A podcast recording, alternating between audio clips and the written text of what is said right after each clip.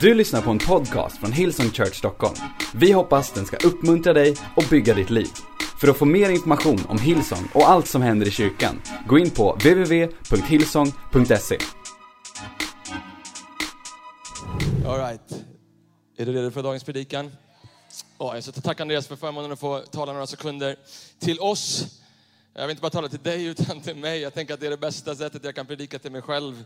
Så kanske du kan lära någonting och plocka upp någonting eh, av det också. Har eh, en ganska enkel titel den här kvällen på min rubrik, eller på min, min predikan. Två ord. All right? Två ord. Är redo? Upp med mobilen. Upp med, vem kör liksom old school? Anteckningsblock. Bra. Come on. En på första raden. Fantastiskt. Amen. Tre på läktaren som kör anteckningsblock. Mycket bra. All right. Bra. Det går jättebra att köra mobilen också. Okej, okay. om du skriver två ord, men Gud. Men Gud. Alltså då menar jag inte så här, men Gud vad jobbigt. Det är inte det jag menar. Jag menar någonting helt annorlunda. Men, men Gud. Faktum är att jag tror att Gud vill precis lägga det där, de där två orden i ditt hjärta, precis som han gjort i mitt hjärta. För du förstår, jag har läst Bibeln och jag har märkt att det finns pattern, det finns, liksom, det finns teman i Bibeln. Och en sak som jag är helt säker på, att gång efter gång efter gång efter gång i gamla och nya testamentet, när det ser kört ut för människor, situationer, Israels folk, människor som är sjuka, lama, så kommer Gud in och så står det, men Gud, men Gud, men Gud vänder. Och faktum är, jag har tänkt lite grann på det här den här veckan. Jag skämtade lite grann med dig om du hade ett anteckningsblock. Men, eh, men du vet, så här, två sekunder, du vet, så här, jag vet inte vad det är med, med vår tidsepok eh, och våra, liksom, vi som är barn av den här generationen där man liksom så här, man, är, man har liksom FOMO hela tiden. Är det någon som vet vad jag pratar om? Yeah, fear of missing out.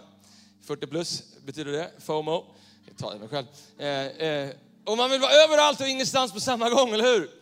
Och man, bara liksom, man har en koncentrationsförmåga som är typ så här, sju sekunder om man har en riktigt bra dag. Då är det lite som mig, eller hur? Jag läste att man är inne på sin smartphone 150 gånger per dag i snitt.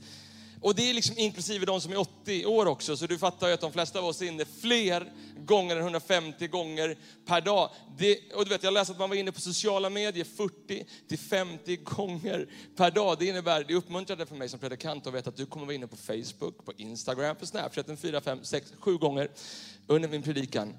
Men då är det så bra att jag ser ju det här uppifrån. Ja. Yeah.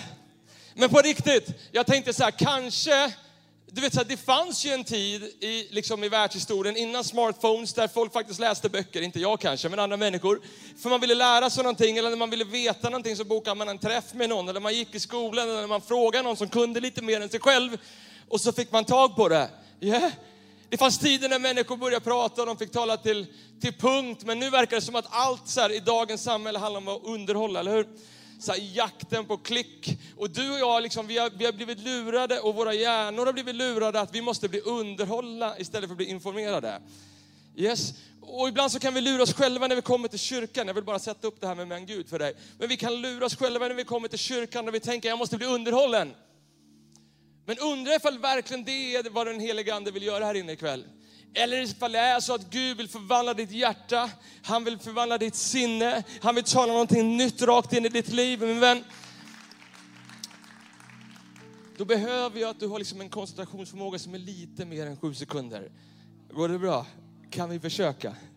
Men Gud finns ett ord i Gamla Testamentet eh, som är sela. Det betyder pause and think about it. Alltså stanna upp och tänk på det. Och det är precis det vi ska göra när vi hoppar in i Fesebrevet kapitel 1. Eh, eller kapitel 2 går bra också om du vill. Eh, kapitel 2, vi ska läsa fyra verser. Det här är liksom våra huvudverser på den här predikan. Och sen ska vi läsa lite andra bibelord också, men det här är någonting som vi kommer tillbaks till. Så häng med här nu. Paulus skriver det. Paulus sitter i fängelse. Paulus, en känd apostel, skriver typ halva nya testamentet. Och så skriver han det här. Han sitter i fängelse, inte för att han har gjort dåliga saker, utan för att han har gjort det precis jag gör just nu. Stått på plattformar och predikat och, och talat om Gud. Och så säger han så här. Också er har Gud gjort levande, ni som var döda genom era överträdelser och synder. Tidigare levde ni i dem och på den här världens sätt och följde härskaren över luftens välde. Den ande som nu är verksam i olydnadens barn. Bland dem var vi alla en gång. När vi följde våra kötsliga begär och gjorde vad köttet och tankarna ville. Av naturen var vi vredens barn, precis som de andra. Stopp där, två sekunder. Så man kan säga att Paulus de tre första verserna, han pratar om egentligen hela sitt liv. Han säger, jag, liksom, jag, jag har följt mitt kötsliga begär. Jag är liksom ett barn av synden. Jag är, liksom, jag är skräp, jag har skam, jag har skit i mitt liv. Jag har saker som jag kämpar och brottas med. Kanske är det någon som känner igen sig i det här inne. Men så säger han de, de berömda orden som skiftar allting. Från vers 4 så står det så här, läs det tillsammans med mig. Men, kom on, vers 4. Men, Gud, kom on, en gång till. Men, men Gud som är rik på barmhärtighet har älskat oss med så stor kärlek. All right. Med så stor kärlek. Även när vi var döda genom våra överträdelser har han gjort oss levande med Kristus. Av nåd är ni frälsta. Faktum är att i de där sex verserna det räcker egentligen. jag behöver inte förklara mer för dig. Det är egentligen hela evangeliet i det. Vi föddes, Gud skapade oss, vi lämnade den bilden, vi drogs in i våra kötsliga begär. Gud, men Gud kom och han räddade oss med sin barmhärtighet, med sin nåd. Och så sa han att av nåd är vi frälsta, räddade. Bam! Mic drop, God bless you, ses.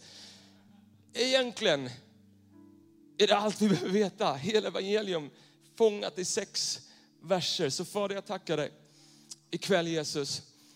Att när vi kom in i kyrkan att vi liksom inte skulle ta av oss hjärnan här där ute i foajén utan att, utan att du skulle tala till vårt hjärna Jesus. Att du skulle tala till vårt hjärta, till vårt kinne. Gud att du skulle göra någonting nytt i våra liv ikväll. Gör det i mig Herre. Gör det i Bolin Herre. Gör det i alla andra här inne, uppe på läktaren, nere på golvet, ute i föräldraloungen. Jesus vi vill ha mer av dig den här kvällen och vi längtar efter det i Jesu namn. Och alla människor som tror på det sa Amen, amen. Tack Bolin kom snart tillbaks. Jag har tänkt ganska mycket på, eh, på de här orden, men Gud. Eh, och så har jag också tänkt på när man använder just ordet men, liksom, liksom halvvägs in i en mening, vad som händer med allt det där första som man har sagt. Har du tänkt på det någon gång? Liksom när man kommer åt det där ordet men så är det som att allt som är sagt där innan gills, gills inte, eller hur? Vet du vad jag pratar om? Du vet så här, jag vet att vi egentligen inte har råd att åka på semester, men vi bokar en resa till Bali. Eller så, äh, jag vet att jag sa att igår var min sista efterrätt någonsin, men jag är värd en sista till idag. Eller hur många känner igen sig i det här? Eh, du är grym, vi kan väl fortfarande vara vänner, men jag vill inte vara ihop med dig längre. Va? Allt det som är sagt innan gills ju inte så fort det där ordet men kommer. Och jag tänker att du och jag, vi hamnar ganska ofta i ett liksom så här, men jag, även kristna människor, du kanske inte är kristen, men det kan du bli det strax. Vi hamnar liksom i ett sätt där vi, där vi säger, men jag. Istället för att vi borde säga, men Gud lite mer. Men vi säger, men jag kan inte, men, men Gud kan ju. Men Gud kan. Du vet så här, så vi säger men jag istället. Vi säger jag borde gå till gymmet men jag orkar inte. Jag borde förlåta men, men jag är fortfarande så arg. Jag, jag vill må bättre men jag har sån ångest. Jag vill också stå på en scen, men jag skulle aldrig våga. Jag vill också le, men jag är så deprimerad. Jag borde fixa mitt äktenskap, men jag tycker att min partner aldrig lyssnar. Hallå? Jag borde börja läsa Bibeln, men jag har så svårt att komma igång. Och så, så hittar vi massor med ursäkter där vi, liksom så här, där vi lever vårt liv med fokus på oss själva och vad vi själva kan göra. Yes? Och vi bara säger men ja, men ja, men ja. Kanske liksom vårt samhälle som har lurat in oss i det, där allt handlar om jag, mig och mitt och hur jag kan må bättre. Och man tänker att jag måste ju fixa allting själv, men det är inte så Gud har tänkt det. Och det jag älskar med, med liksom den säsongen vi är som kyrka, om du var här på Vision Sunday för, för några veckor sedan, där vår seniorpastor, pastor Brian, predikade och citerade Hesekiel. Han, han predikade och talade om att han upplever att det här året är ett år där vi ska, där vi ska predika från nord till syd. Han pratade istället för att prata om liksom vad jag har för brister, vad jag har för svagheter, så ska vi börja tala om vad Gud har för styrkor. Så absolut, vi kan prata om att, att vi är deprimerade. Men istället kanske vi borde prata ännu mer om motsatsen till depression, glädje.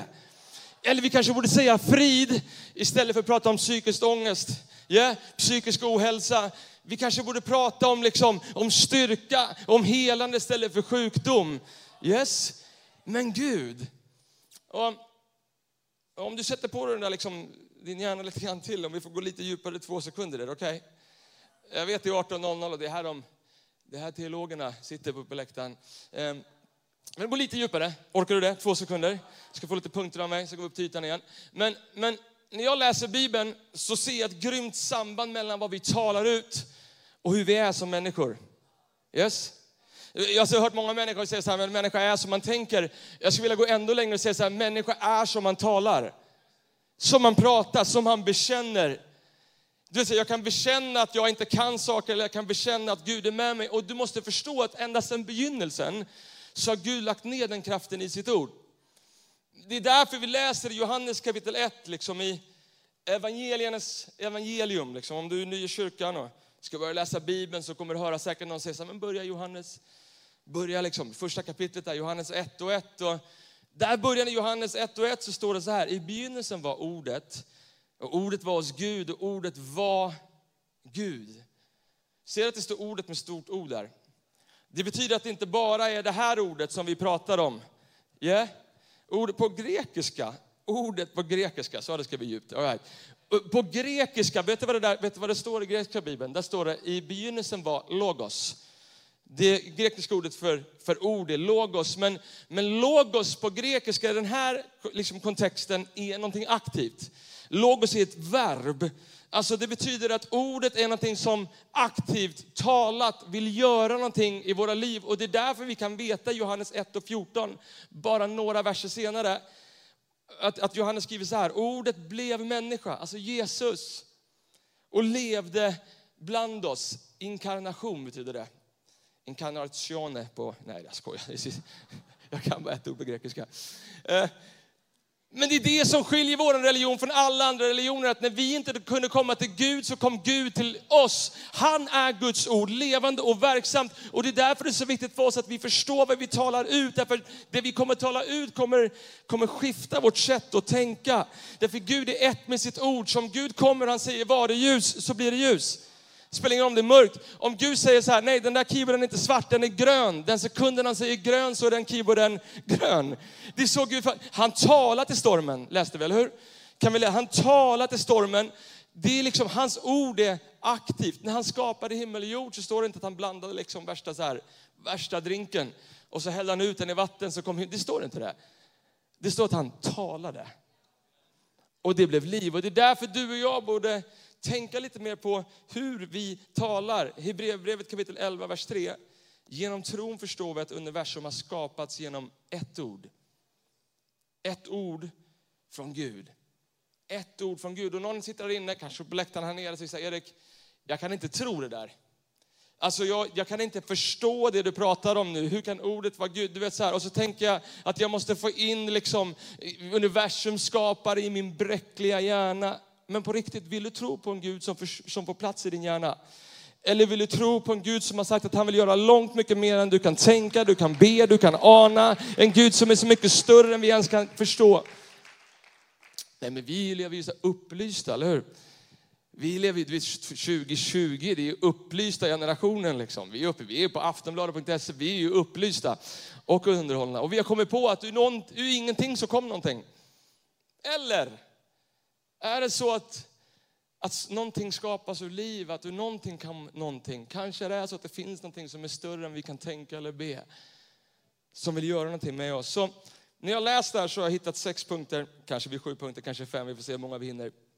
Om du skriver. Fem eller sex eller sju, men Gud, som du ska säga till dig själv den här veckan. Om du skriver, skriv punkt nummer ett. Men Gud känner mitt hjärta. Yeah. Gud känner mitt hjärta. I Lukas kapitel 16, vers 15 så säger Jesus till, till sina lärjungar så här. Då sa han till dem, ni är sådana som rättfärdigar sig själva inför människor, men Gud känner era hjärtan. Men Gud känner era hjärtan. Vissa människor inne, du, är så här, du, vet, du, vet så här, du har bett till Gud så länge och du har fyllt in så många bönelappar och du bara önskar att Gud skulle göra ett mirakel i ditt liv. Och du tänker så här, Gud hör du mig? Gud ser du mig? Gud bryr dig du om mig? Då är det här bibelordet grymt uppmuntrande för dig.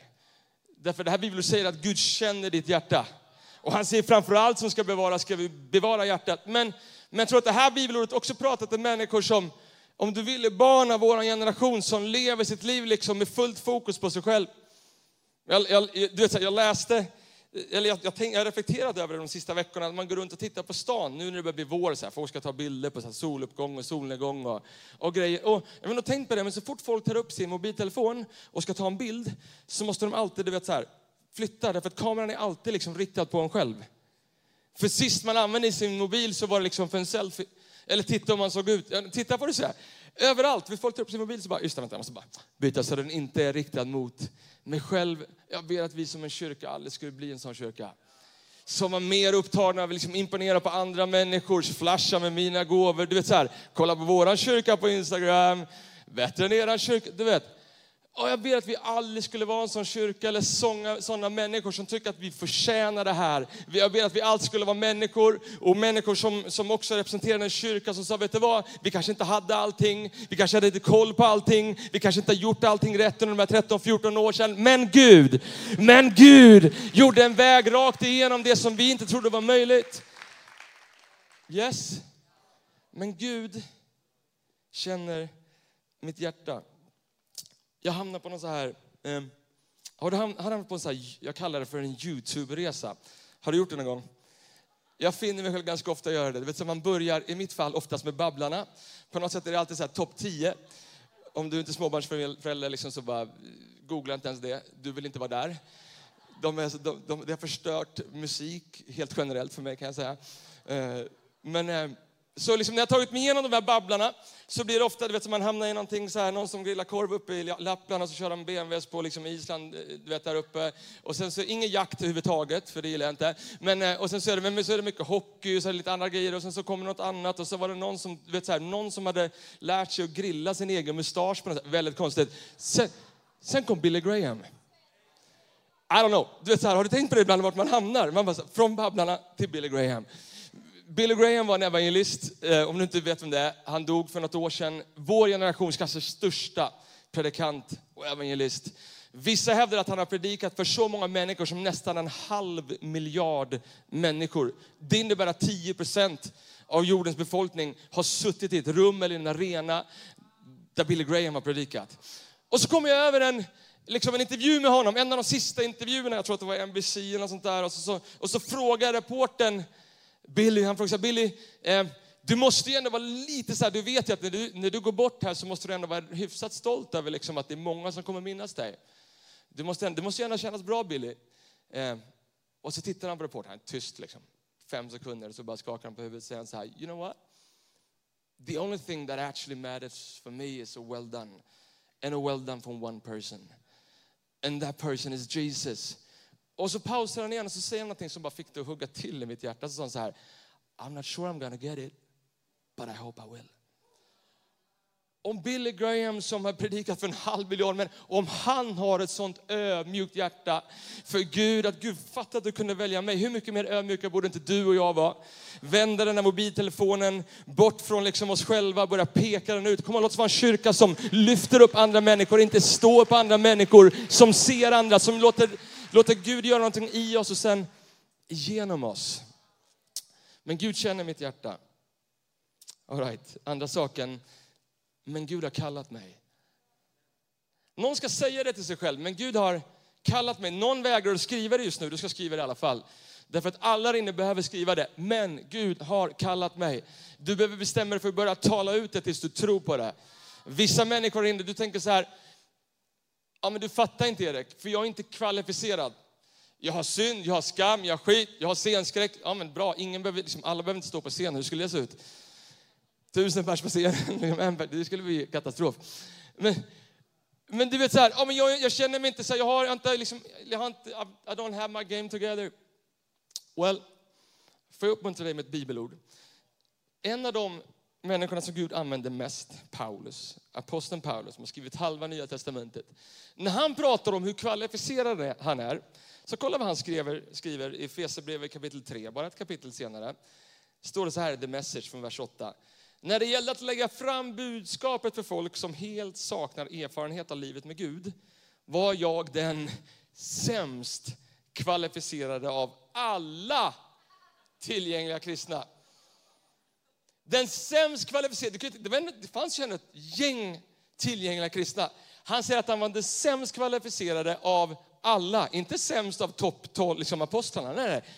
Av alla tillgängliga kristna. Ändå så var Paulus inte blyg med att säga att jag är kallad. Inte för en sekund. Lyssna vad han säger på engelska i första Korinthierbrevet kapitel 1, vers 7. Står det så här. But God has chosen the foolish things of, things of this world to put to shame the wise. And God has chosen the weak things of the world to put shame the things which are mighty. But God has chosen, men Gud har valt mig. Men Gud har utvalt mig. Jag vet inte hur det är med dig, men du kanske precis som mig någon gång i livet har känt dig okvalificerad. Hur många kommer ihåg när man gick i skolan när man ska så här, vad hette det, så här, muntlig, vad kallar vi det? Muntlig redovisning. Hur många älskar det? Alltså så här, okej, okay, två personer, varsågod, ni ska få komma upp och predika nästa vecka. All right. Se hur mycket du tycker om det, en halvtimme, monolog. All right. Men du vet så här, du vet, jag, jag gick i trean, tvåan, trean, fyran kanske, du vet så här, muntlig, hatade det.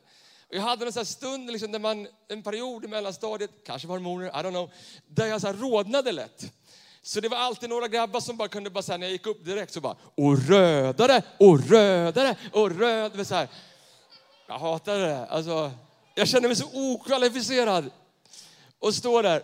Eh, eller jag vet när vi, jag vet, jag vet när vi startade kyrkan. Första gången Andreas bad mig hålla liksom ett offertal. Jag går upp och bara säger så här, vi ska läsa från första Josua, finns inte ens i Bibeln. Du vet, första gången jag hade ett offertal. Eh, eller jag minns första gången jag skulle be högt. Jag gick upp liksom i en annan kyrka eh, och, och, det var en annan man före mig. Han bara, jag ska bara citera dig fader från de första 15 verserna, första krönikeboken kapitel 17. Så här. Jag, bara, jag visste inte att man måste citera från gamla testamentet. Så här, panik, så att jag började leta. Så här. Hittar inte saltaren. Du vet, så här, ligger, hittar inte, så här, liksom får ner den. Jag får fram en så här, käre Gud, amen. Och jag tänkte för mig själv, jag måste vara den mest okvalificerade personen i det här rummet. Det är så osannolikt att Gud skulle kalla mig. Eller, jag minns en av de första gångerna jag skulle leda lovsång. Inte första gången, för det har jag berättat om några gånger, men andra gången. Jag, hade, eh, eh, eh, jag var med Andreas eh, på något sätt eh, hängde med honom ett år. Och eh, han, hade, han skulle predika, jag minns inte exakt hur det var till, men han kunde i alla fall inte åka dit. Och eh, jag blev sänd dit och jag skulle leda lovsång. Det var 80 plus snittålder liksom, i den här församlingen. Och innan jag kommer dit, som sagt, det kommer någon från den här kyrkan. Erik, du får en halvtimme att leda lovsång. Enda problemet, jag kunde bara två sånger. Eh, och den första sången som jag kunde, det här är en riktigt gammal sång. Eh, den går så här, vi är Kristi medarvingar. Och sen går det så här, och vi ärver våran far. Okej, okay. och vi ärver våran far. Men jag hörde fel, så jag trodde alltid de sjöng, men vi är väl våran far. Jag fattade aldrig, ja Gud, jag fattade den teologin, så den låten försvann, den gick bort. Så då hade jag en låt kvar. Och det hade den här låten, den gick så här. Hylla Jesus, han lever. Det är hela låten. 30 minuter. Alla grabbar så här, hylla. Alla som fyllde år förra veckan. Hylla. Det är så här, två och en halv minut efter kommer pastorn upp. Jag tänker de kommer bära av mig från scenen. Jag kommer ju aldrig mer bli kallad. Jag tror Andreas var snäll och inte tog upp det med mig. Eh, eller så fanns inte e-mails och sociala medier på den tiden. Eh, eller jag minns första gången jag skulle stå på en scen och göra en inbjudan på engelska. Vi var i, vi var i Tyskland tror jag, i Stuttgart. Eh, vi skulle leda lovsång med Hillsong eh, tio år sedan i Porch Arena, 15 000 personer, helt slutsålt. 400 pastorer har fastat och bett i 40 dagar. Har du gjort det någon gång? Okay. 40 dagar. Jag, jag, vet, 40 dagar fastat och bett för att Gud ska skaka Stuttgart. Och precis innan vi ska gå upp så vänder sig Ruben som är en av lovsångsledarna, han vänder sig om mot mig och pastor Gary Clark som är pastor i Hillsong UK och så säger han så här, eh, Pastor Gary, I think Eric should do the altar call tonight. Och jag bara, så, nej, nej, nej, nej, jag kan inte ens något bibelord på engelska, alltså det här går inte. Och Gary, jag bara tittar och kollar på Gary, han är helt tyst som bara Gary kan vara i tio sekunder. Så har jag bara så här, huh. Är det ens ja? Är det nej? Jag vet inte. Ska, ska jag, ska jag liksom, och så bara går vi upp på scenen och vi låsa en halvtimme. Jag tänker, Gud, ta mig bort. Henrik, mig. Jag vill inte vara så här, jag måste försvinna. Fort, och jag kan se framför mig, för längst fram har de ställt 400 pastorer, stora kostymer, 60 plus hela bunten. Du vet, så här. Och de står där, mest gubbar. Eh, och så när, vi, när, vi ska, när jag ska göra inbjudan, jag tänker liksom, Oh, kan, kan jag ens ett? For God so loved the world, så är det va? Du vet på engelska. Jag tänkte jag får gå på Johannes 3.16. Jag var så nervös. Jag går upp, liksom jag säger, du vet jag kan prata fort. Alltså jag pratar så fort. Alltså på engelska. Ah, I used to have a lot of shit. I ah, used to have a lot of problems in my life and uh, But God took it away. If he did it for me, he can do it for you. At the count of three, shoot up your hand. One, two, three, bam. Och jag bara tänkte så här, Gud, kolla, det här är, de kommer bära bort mig, min mick kommer inte funka, någonting är så här. Jag kollar upp liksom, först tre rader av liksom, 400 pastorer som har fastat. Men kanske lite griniga för de har fastat i 40 dagar också, för de står så här. Kolla på Ruben, han bara böjer sig ner så här. Kolla på Gary, han bara... Jag vet inte vad jag ska tro. Och jag tittar upp så här, och jag tittar förbi pastoren och tänker så här, lite grann. Och jag ser över hela arenan, på riktigt, hundratals, hundratals och hundratals med händer som lyfts, människor som ger sitt liv till Gud. Vet du vad det gjorde med mig den där kvällen? Det berättade för mig att hur Gud har kallat mig har noll procent, inte en procent, noll procent att göra med de gåvor och talanger Erik Liljor har. Hundra procent att göra med vad Gud vill göra i mig. Och så är det med dig också. Om han gjorde det med mig så kan han göra det med dig och dig och dig och dig och dig och alla som vågar säga, men Gud, har kallat mig. Och jag har varit så inspirerad av det här sista månaden. Vi, vi var ett gäng som läste Bibeln på en månad. Och man kan säga att det gick fort. Man kan säga att kanske missade några verser här och där. Men, eh, men, men man ser patterns. Man ser liksom mönster i Bibeln och en sak som man ser i Bibeln är att Gud väljer okvalificerade människor. Det är så han kallar dem. Så jag bestämde mig för att börja skriva ner det när jag läste det här i januari. Hänger du med? Får jag läsa några ställen som jag har läst den sista månaden? Lyssna, Noa Gud kallade honom trots att han hade alkoholproblem. Det står att hans söner hittade honom utslagen av alkohol helt. Ändå valde Gud honom. Abraham, han var barnlös vid hög ålder. Han hade ett värdelöst CV kan man säga, men Gud valde honom. Jakob, han var en bedragare. Han ljög för sin far vem han var. Ändå så valde Gud honom. Moses, han var en mördare. Ändå så valde Gud honom. Rahab, hon var en kvinna i Josua bok. Hon var prostituerad. Men det står ändå att Gud valde henne, utvalde henne till att leda Israels folk rakt in i Israel. Israel. Gideon, han drevs av rädsla, han hade svindåligt självförtroende. Ändå sa Gud till honom, res dig upp du, tappre stridsman. Och Gud utvalde honom. Simson, han hade en famn i varje hamn, han hade en tjej överallt i varenda stad. Ändå så valde Gud honom. Jona, han lyssnade inte på Gud, han struntade i vad han sa, han gjorde tvärtom. Om Gud sa höger så gick Jona vänster. Ändå så står det att Guds ord kom en andra gång till Jona. Han gick in i Nineve och gjorde vad vi vet kanske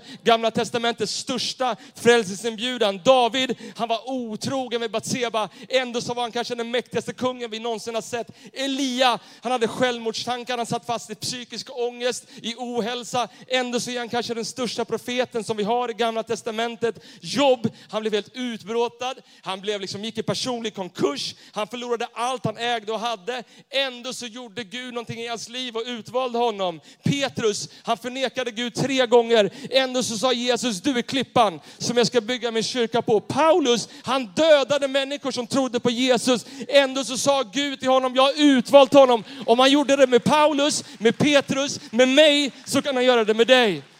Och allt börjar med, men Gud har kallat mig. Gud har valt mig. Jag vet, jag kanske inte har allt together. Många här inne, här inne väntar på att du ska få liksom ditt game together. Min vän, det är därför jag berättar om mitt eget liv. Jag håller fortfarande på att försöka få till mitt game together. Men Gud har valt mig och han kan välja dig. All right, tredje saken, men Gud kan hela mig. Men Gud kan hela mig. I, i, i Filipperbrevet kapitel 2, vers 27 så säger Paulus så här. Ja, han var faktiskt nära att dö, men Gud var god både mot honom och mot mig och tillät inte att jag skulle drabbas av en sådan sorg ovanpå allt annat. Jag tror på en Gud som jobbar i det omöjliga. Ja, jag tänker varje gång vi går upp och vi läser de här bönämnena, inte de här, men det som Andreas hade med sig upp på scenen, de här röda lapparna. Det är som att vi säger till oss själva, men Gud. Yes. Det vill säga, jag läste i morse om, om, om, om en tvåbarnsmamma som har fått cancerbesked. Eh, två små barn. Läkaren har sagt det är kört. Men Gud. Yes. Läste om någon annan eh, man som har fått liksom utvisnings, eh, utvisad i Sverige. Migrationsverket har stängt dörren. Men Gud. Yeah. Men Gud. Så, du vet, läste om någon annan som bad att de skulle bli fri från psykisk ohälsa och ångest. Men Gud. kan lägga en glädje, en frid i våra hjärtan. Jag var så uppmuntrad av det hela slutet på februari, är det februari? nej det är mars nu, men slutet på februari. Om du var här för drygt nio månader sedan så hade vi en vägg här bakom oss, vi kallar det för Miracle May. Och vi hade massor med bönelappar, hundratals och hundratals som vi satte upp på den här väggen. Och det var så många människor som bad för att de skulle bli gravida. Jag läste många lappar om människor som har försökt allt som gick, allt som liksom har gått. Jag pratade med några precis innan mötet här nu, som har blivit gravida. Men du vet, vi har haft sån babyboom de sista veckorna, så jag har aldrig varit med om dess make. Alltså det är tillväxt på väg i Hillsong Church kan jag säga. Och Gud har gjort så mycket mirakel i människors liv. Därför människor bestämde sig i maj för att säga, men Gud kan göra ett mirakel. Gud kan hela mig. Jag var så upplyft av det. Tobias Palm berättade om sin syster i Örebro om, om på Hard and Soul Sunday, om hur, hur liksom läkarna nästan gav upp och hur de får det där telefonsamtalet. En tjej som är i vår kyrka, Sanna, hon är drygt 20 år och fick ett cancerbesked. Och läkarna gav upp och sa att det är i princip kört för dig. Och de är där nere där precis i början på året och så, och, och, och, och så hör han, han berättar det på filmen, så säger han att, att, att, att, att de ringer till läkaren och läkaren blir helt tyst och säger jag måste vänta tills överläkaren kommer. Och hela familjen tänker att det är kört det är kört för Sanna. Så tar det ett tag så kommer överläkaren. När han kommer så tittar han på hela familjen Palm och så säger han, jag vet inte vad jag ska säga, men cancern i Sannas kropp är borta. Den finns inte längre. Vet du vad jag tror att det är? Konsekvensen av en stor grupp människor som har sagt, men Gud kan hela mig. Men Gud kan göra ett mirakel. Det kanske ser mörkt ut, men Gud kan göra det som mänskligt sett inte går att göra. Så Gud kan hela mig. Fjärde saken vi ska säga till varandra. Men Gud kan göra mer. Men Gud kan göra mer. Jag älskar att jag får med en kyrka som har gjort så otroligt mycket. Jag älskar att jag får stå under fantastiska pastorer och ledare. Jag älskar att vi är nu bara 45 beslut från 20 000 beslut, frälsningsbeslut sen vi startade kyrkan. Men lyssna, jag älskar att vi liksom är på sex campus, jag älskar att vi har lagt till två möten i Örebro, jag älskar att vi lägger till ett möte i Göteborg, jag älskar att vi fyller hovet två gånger, jag älskar att vi följer, liksom, kommer tusentals människor på vår påskturné. Men lyssna, Gud kan göra mer. Men Gud kan göra mer, eller hur? Kanske du är inne och du tänker så här, jag är för gammal, jag är 60-70 år liksom. Mina bästa dagar ligger bakom mig. Men Gud kan göra mer. Guds ord säger i Efesierbrevet kapitel 3, vers 20, men Gud kan göra långt mycket mer än vi kan tänka, be eller ens ana. Gud säger det. Någon människa ska säga det till sig själv. Någon som tror liksom att du har toppat och du har liksom nått din topp. Och ditt liksom, så funkar inte Gud. Guds kurva med Gud ser inte ut så här. Som någon form av så här, karriärskurva. Så här, man kommer upp till 40 och sen så börjar man plana ut. Kurva med Gud, om du går med Gud, ser det ut så här. Så ser det ut. Varför säger han annars att han vill göra långt mycket mer än vi kan tänka, be eller ens ana? Så någon ska säga till sig själv, men Gud kan göra mer. Punkt nummer fem, men Gud är större än min synd. Men Gud är större än min synd. Jag pratar på riktigt inte om din synd, jag pratar om min synd. Precis som Paulus, om du tänkte på det när vi läste Efesierbrevet kapitel 2 så står det att, så står att han, han, han, skriver, vi var alla fyllda av kötsliga begär. Han, det står inte att han, att han skriver ni var alla fyllda av kötsliga begär. Vet du vad jag tror? Jag tror att när Paulus ställde sig upp på torget så stod inte han så här, du är full av synd och du har synd och du har skit i ditt liv. Jag tror han säger så här, jag var full av synd. Jag var full av skit. Jag var full av kötsliga begär. Men Gud har räddat mig med sin nåd. Jag gjorde ingenting för att kvalificeras, men Gud kan rädda mig. Någon människa ska säga det till sig själv, för du är så tyngd av din synd, men du ska säga, men Gud är större än min synd. David säger det så här i psalm 73, vers 26. Bara strax efter att han varit otrogen med Batseba så säger han så här, My flesh and my heart fail, but God is the strength of my heart and my portion forever. My flesh and heart may fail. Hur många kan liksom säga ja, men att det har hänt och det kommer säkert hända igen. But God is the strength. Men Gud är min styrka. Okej, punkt nummer sex medan lovsångsteamet kommer upp. Men Gud dog så jag kunde leva. Någon ska lära sig att säga det idag. Men Gud dog Titta på mig. Men Gud, men Gud dog så jag kunde leva. Yeah. Bibeln säger att synden inte gör oss till dåliga människor. Synden på riktigt gör oss till döda människor. Syndens lön är döden. Men Guds gåva är evigt liv i Jesus Kristus, säger Romarbrevet. Så, så synden, och det är inte så att Gud hatar syndare, men Gud funkar inte med synd. Gud och synd går inte ihop. Gud, Gud, Gud kan inte existera tillsammans med synd. Det var därför han sände sin egen son Jesus Kristus till att betala priset. Men Gud dog så jag kunde leva. Ett bibelställe kvar. Ett av de bästa bibelställena i hela världen. Kanske det bästa bibelordet i hela världen. Skriver Paulus så här i Romarbrevet kapitel 5, vers 6. För när tiden var inne, medan vi ännu var maktlösa, dog Kristus i de ogudaktiga ställe. Knappast vill väl någon dö ens för en rättfärdig. Jo, kanske vågar någon dö för den som är god. Och så kommer sista versen som jag älskar och som förvandlar allting i ditt och mitt liv om vi förstår. Skriver Paulus så här. Men Gud. Men Gud. Men Gud. Men Gud bevisar sin kärlek till oss genom att Kristus dog för oss medan vi ännu var syndare. Men Gud. Men Gud. Och jag tänkte för mig själv när jag läste det här sent igår kväll. Tänkte jag så här. Om jag fick predika en mening till resten av mitt liv. Om jag fick välja ett bibelord. Om jag säger att du får en sista chans, du får en minut, du får micken, du får säga vad du vill. Du kan sjunga en sång, du kan liksom dansa, du kan, du kan, du kan, du kan läsa gamla testamentet, nya testamentet, du kan show up, gör vad du vill. Så ska jag välja det där bibelstället. Jag hade valt det. Jag hade sagt, vet du vad? Gud, liksom jag levde själv i mitt kötsliga begär, men Gud, medan jag ändå var syndare, men Gud, lyssna, han tvättade mig vit som snö. Han tog bort min depression, min ångest, mina begär. Lyssna, han talade till mina stormar och han stillade dem. Han la en ny sång i min Gud, men Gud räddade mig när allt såg kört ut. Men Gud la en ny sång i min, Gud, i min mun. Gud la en ny glädje, han la en ny kraft, amen. Han la en ny passion i mitt liv. Men Gud sa till mig, när jag trodde att det var kört, att det inte är kört. Men Gud sa till mig, långt mycket mer än du kan tänka eller be Erik. Men Gud, Gud bevisar sin kärlek till oss genom att Kristus dog för oss. Amen. Amen. Kom upp på läktaren, vi ställer oss upp tillsammans. Halleluja, halleluja. Vi är strax klara. Yes, yes. Yes, yes, halleluja. Men Gud, men Gud, men Gud, men Gud. Någon ska säga det till sig själv. Vi ska alldeles strax be en bön för människor som behöver säga, men Gud rädda mig. Men Gud, ta bort min synd. Men Gud, tack för att du dog för mig. Någon, någon, vet, så, någon säger, Erik, jag vill ha det där det du har. Jag vill också känna det du kände. Vad behöver jag göra? Ingenting. Behöver bara tro. Bibeln säger att om vårt hjärta tror, vår mun bekänner att Jesus Kristus är Guds son, att Gud har uppväckt honom från de döda, då är vi frälsta. Om vi säger att det låter för bra för att vara sant, det är det som är nåd. Att få det man inte förtjänar. Halleluja. Men jag kan inte låta bli att tänka att samma Jesus Kristus som för 2000 år sedan gick upp mot Golgata kors.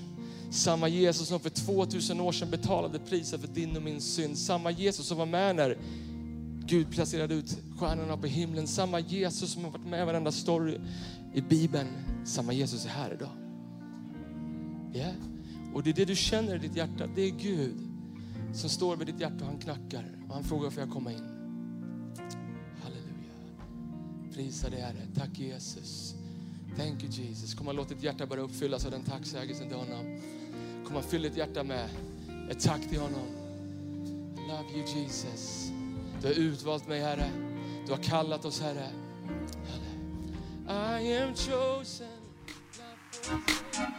Du har lyssnat till en podcast från Hillsong Church Stockholm. Om du vill veta mer om vår kyrka eller om våra söndagsmöten, surfa in på www.hillsong.se.